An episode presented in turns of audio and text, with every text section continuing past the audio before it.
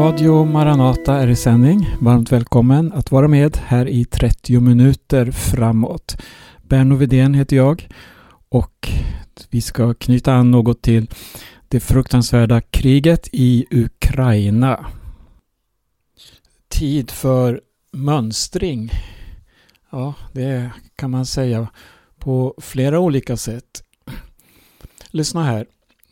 Titanics undergång den har använts som illustration i många olika sammanhang.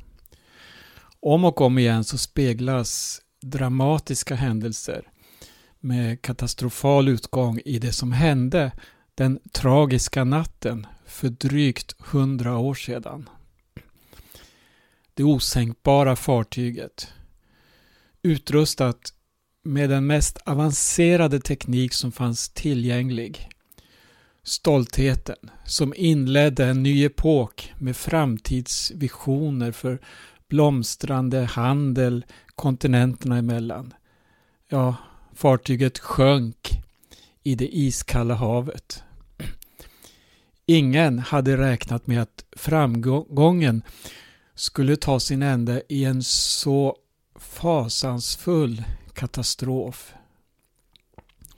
Alla drabbades det spelade ingen roll om man hörde till eliten, om man hade bokat in sig i första klass med dess överdådiga lyx eller om man fick nöja sig att färdas på fattigmansdäck.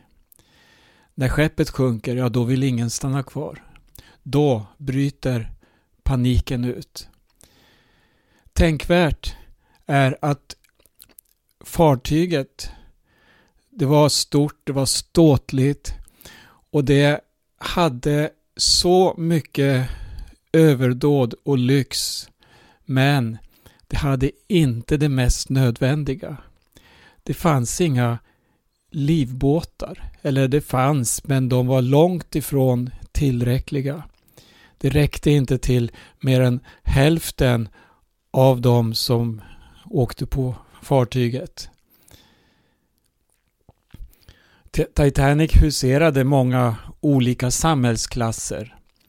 Och det var stängt mellan de olika däcken. Men då det handlar om överlevnad, att rädda sig från en säker undergång, då betyder inte social tillhörighet eller materiella tillgångar något längre. Det som räknas, det är livet. Det var Titanic. En ändå isolerad händelse. Situationen blir ännu mer allvarlig om katastrofen drabbar ett helt land som slås i spillror. Eller ännu värre, en hel kontinent. Det vi nu närmast tänker på är det förödande kriget i Ukraina. Miljontals människor befinner sig på flykt under tiden som bomberna förstör deras hem. Förödelsen och lidandet det är obeskrivligt. Att höra vänner berätta att nu har den dött och nu har den dött, ja det smärtar. Att se hur den tillvaro som man har byggt upp under många år i ett ögonblick raseras, ja det är tungt att bära. Och hoten om upptrappning haglar tätt och varningar som siar om ett nytt världskrig med kärnvapen har aldrig varit mer påtagliga i modern tid. En direkt reaktion efter Rysslands invasion den 24 februari det är att land efter land börjar se över sina säkerhetssystem. Upprustningen av vapenarsenaler världen över förväntas öka markant. Risken att världen drastiskt förändras den blir allt mer överhängande. Jesu ord om att folken ska gripas av ångest och stå rådlösa vid havets och vågornas stån att människor ska tappa andan av skräck i väntan på det som ska drabba världen. ja det är idag en realitet. Tänk vad rätt Jesus hade. Ändå är det så få som valt att lyssna till hans undervisning. Många väljer inte bara att förneka Jesu ord men också att förlöjliga tron på honom. Det pågår en kapprustning i världen. Kapprustningen som pågår. Tävlan om att ha den största militära slagkraften. Den kan i ett ögonblick fördärva hela jorden. Bibeln är förutseende och den avslöjar människans obotliga ondska och vilka konsekvenser mänsklighetens utveckling för med sig. Ja, dess öde är beseglat. Ändå, hör, det är rättfärdigheten som kommer att stå som slutlig segrare. Och det kommer vi att se i en kommande paradoxal slutstrid mellan den här världens härskare och fridsfursten. Paradoxen, det är att lammet ska besegra vilddjuret. Men fram till dess så kommer vi att se hur ondskan på jorden tilltar. Världen rustar på sitt sätt. Men frågan är, ska vi som Jesu lärjungar ta del i den kampen? Paulus han skriver till församlingen i Efesus om en Guds vapenrustning. En rustning som vi uppmanas att ikläda oss. Den rustningen kännetecknar motsatsen till de makter som strider om dominans här i världen. Det sägs att krigets första offer är sanningen. Guds vapenrustning det har sanningen som bälte och rättfärdigheten som pansar. Dess skor talar om den beredskap som fridens evangelium ger. Styrkt av tro skydda rustningen mot ondskans brinnande pilar och frälsningens hjälm bevarar våra tankar och hjärtan hos Gud och hans ord. Det handlar inte om att rustas med vapen som har för avsikt att ta livet av andra människor.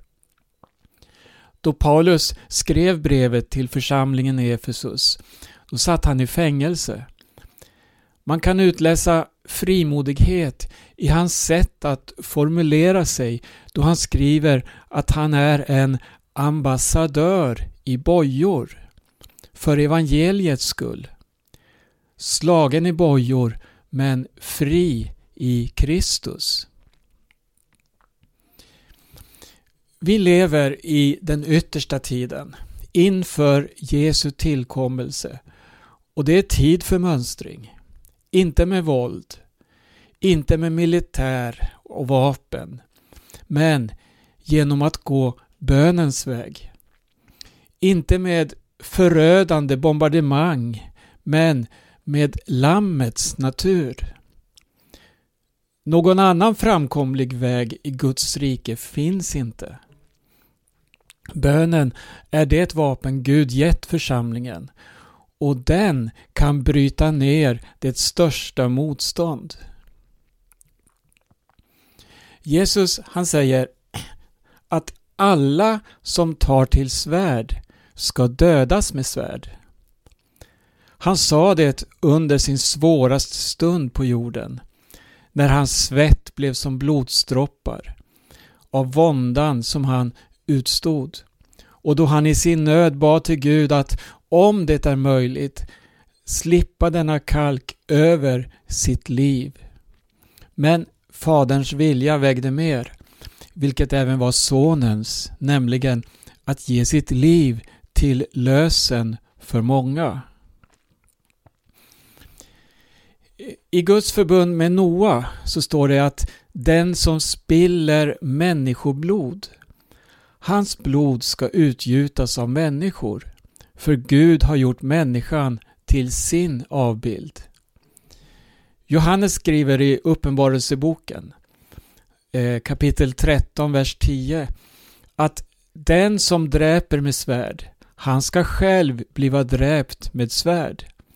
Här gäller det för det heliga att ha ståndaktighet och tro. Målet för oss, det är att bli Kristuslika.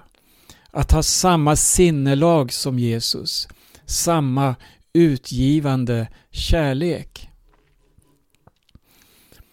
Vad det innebär det att vara Guds avbild? Jag ska återge här ett utdrag ur en text av Arne Imsen som Minnasropet publicerade för snart 50 år sedan. Lyssna här. Citat. Vill Jesus uppmuntra oss till att stå utanför kampen för tillvaron och utanför mänsklighetens nöd så att vi kan leva i vår egen lilla trygga och säkra värld? Tvärtom. Jesus vill föra oss in i den situationen att vi trots konflikter, strider, hot och förskräckliga och fientliga makter kan vara fullständigt trygga i vetskapen om att vilddjuret som härskar i världen icke skall segra utan lammet. Vi vet att det skall komma ett regimskifte för vår mänsklighet och att det skall bli frid på vår jord. Vi tror inte på FN, politiska maktkonstellationer, ekonomiska block eller någon enskild individ på det politiska firmamentet. Vi vet att de bara kommer att bekämpa varandra därför att de är så destruktiva i sin filosofi och till sitt väsen att de en dag kommer att fullständigt förgöra varandra. Att dessa makter ännu inte släppts loss och förvandlat vårt klot till ett globalt krematorium, det kan vi tacka Gud för. Jesus gör inte vägen lätt och kommer inte med någon enkel och lättvindig lösning som man kan ordna genom lite ytlig förändring i beteende eller attityder. Tvärtom säger Jesus i avslutningen av sin bergspredikan. Icke kommer var och en in i himmelriket som säger till mig Herre, Herre, utan den som gör min himmelske faders vilja. Det hjälper inte hur intensivt vi ropar Herre, Herre eller hur deltagande vi uttalar våra deklarationer. Vi måste göra Jesu himmelske faders vilja. Vad är det att göra Faderns vilja då? Det är att handla som Jesus lärde i bergspredikan. Slut på citat. Den här texten och hela det här sammanhanget då finns att läsa i Minasropet och det är från 1974. Men texten finns också tillgänglig på Midnattsropets hemsida midnattsropet.se Det finns två vägar att välja. Hatets och vedergällningens väg eller försoningens väg. Som Jesu lärjungar får vi lära oss att älska och bedja för våra fiender. Faktum är att i grund och botten, när vi ser igenom maktstrukturerna och världens olika regimer, så handlar kampen sist och slutligen om varje enskild människas eviga väl eller ve. Hela världen är i den ondes våld. Men Jesus har övervunnit världen. Därför så är det viktigt att vi genom våra liv återspeglar denna Guds kärlek till varje människa vi möter. Bli uppfylld med Jesus och hans outgrundliga frid. Och be att ditt liv får vara till välsignelse och hjälp för någon eller några av dina medmänniskor. Då Jesus kommer tillbaka kommer det vi ansåg vara stort och viktigt här i tiden att blekna bort. Det som är värt något är det du gör för Guds rike. Det rike som evigt består. Jag ska läsa ett bibelcitat ur Uppenbarelseboken 21 från den första versen. Och jag såg en ny himmel och en ny jord. Den första himlen och den första jorden var borta och havet fanns inte mer. Och jag såg den heliga staden, det nya Jerusalem, komma ner från himlen, från Gud, redo som en brud som är smyckad för sin brudgum. Och jag hörde en stark röst från tronen. Se, nu står Guds boning bland människorna. Han ska bo hos dem och det ska vara hans folk. Och Gud själv ska vara hos dem och han ska torka alla tårar från deras ögon. Döden ska inte finnas mer och ingen sorg och ingen gråt och ingen plåga för det som förr var är borta.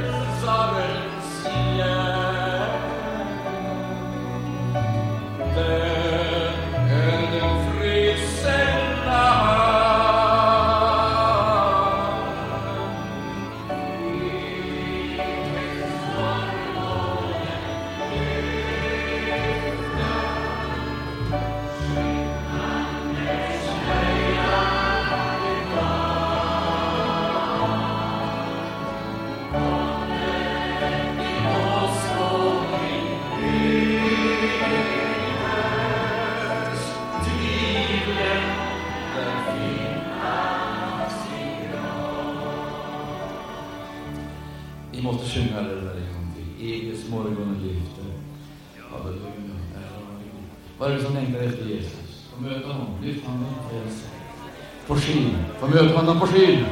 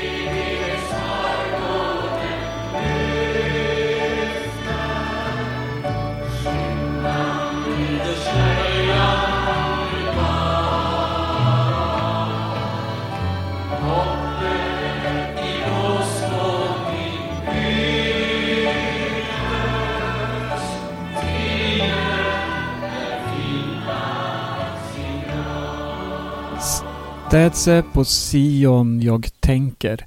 Den här sången sjöngs här av Arne Imsen tillsammans med församlingen i ett väckelsemöte.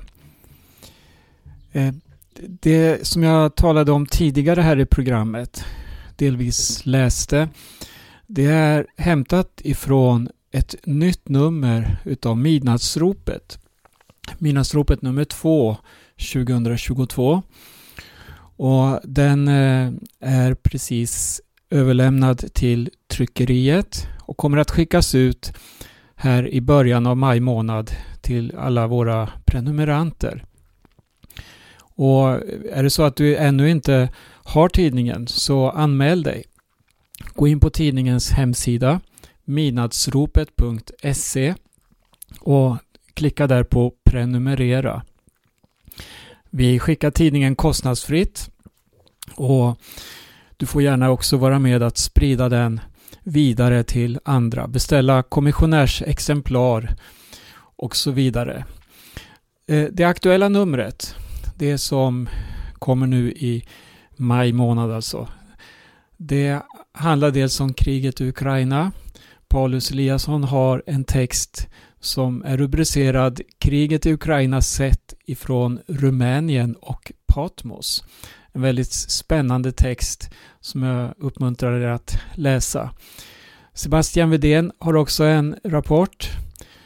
Eh, Glädje och sorg i skuggan av kriget kallar vi den.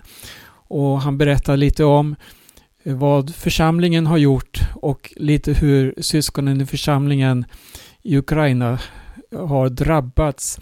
Vi har ju kontakt med Vasili som är pastor i en församling i Irpen och de har drabbats oerhört hårt. De har också berättat hur syskon i församlingen har skjutits, alltså de har fallit offer i detta krig.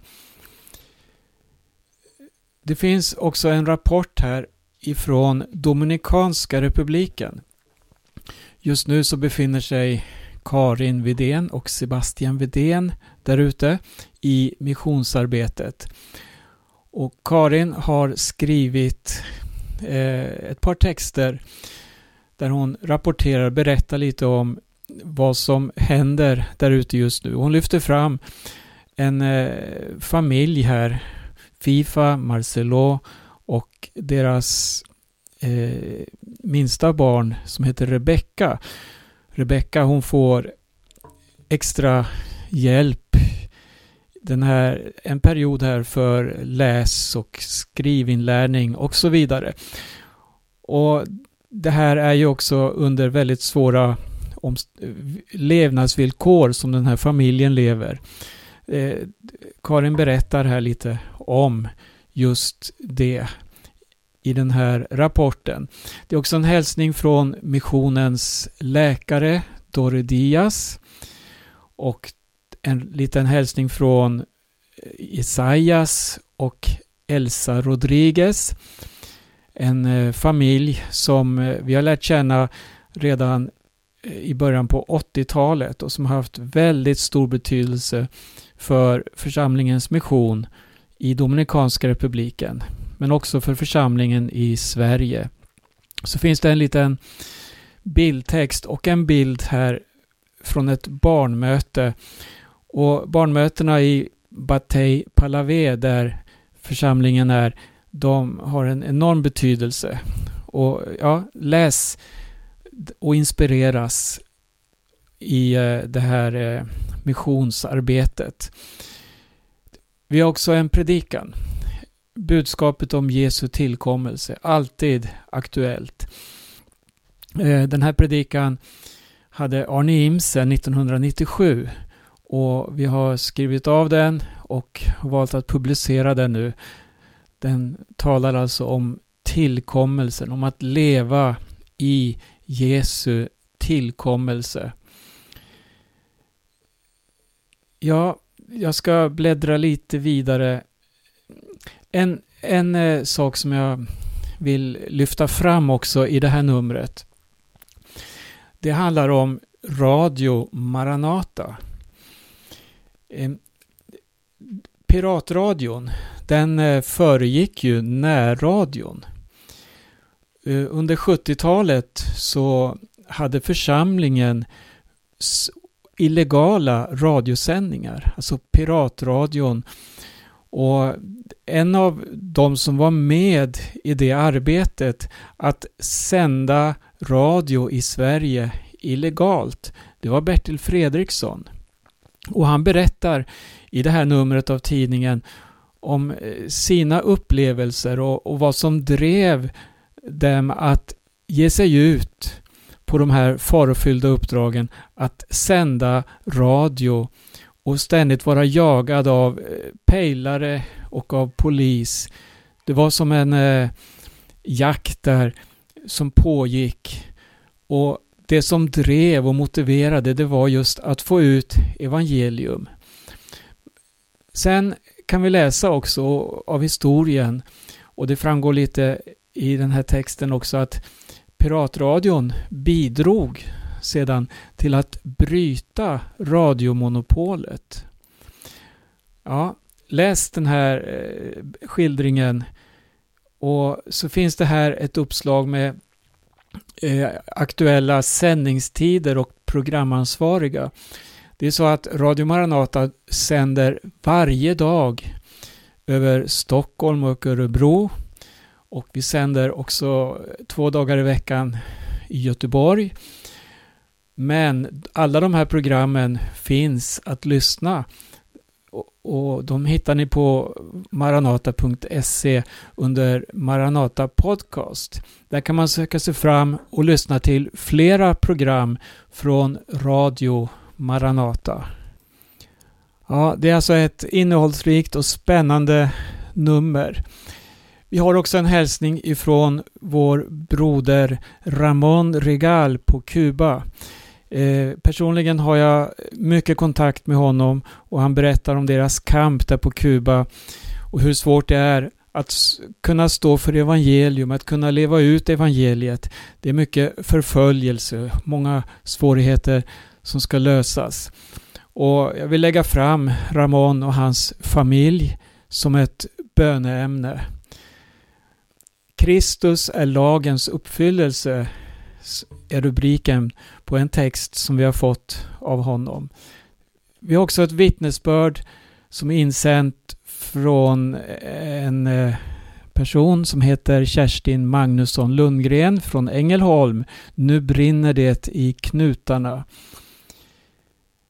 Och en sak till, Korsets väg. Det är en text som jag själv har skrivit som handlar om hur Bibeln talar i varnande ord om, om framgångsteologi. Men den talar framförallt om försakelse. Att försaka sig själv och att bära sitt kors. Läs den och eh, ta till dig budskapet. På baksidan så har vi en annons. Och vi ska för första gången i år inbjuda till sommarkonferens i Långshyttan i södra Dalarna. Ja, mer information om detta finns alltså i tidningen Midnattsropet. Där får vi avsluta det här programmet och jag heter Berno Vedén. Vi önskar er alla Guds rika välsignelse och så säger vi på återhörande.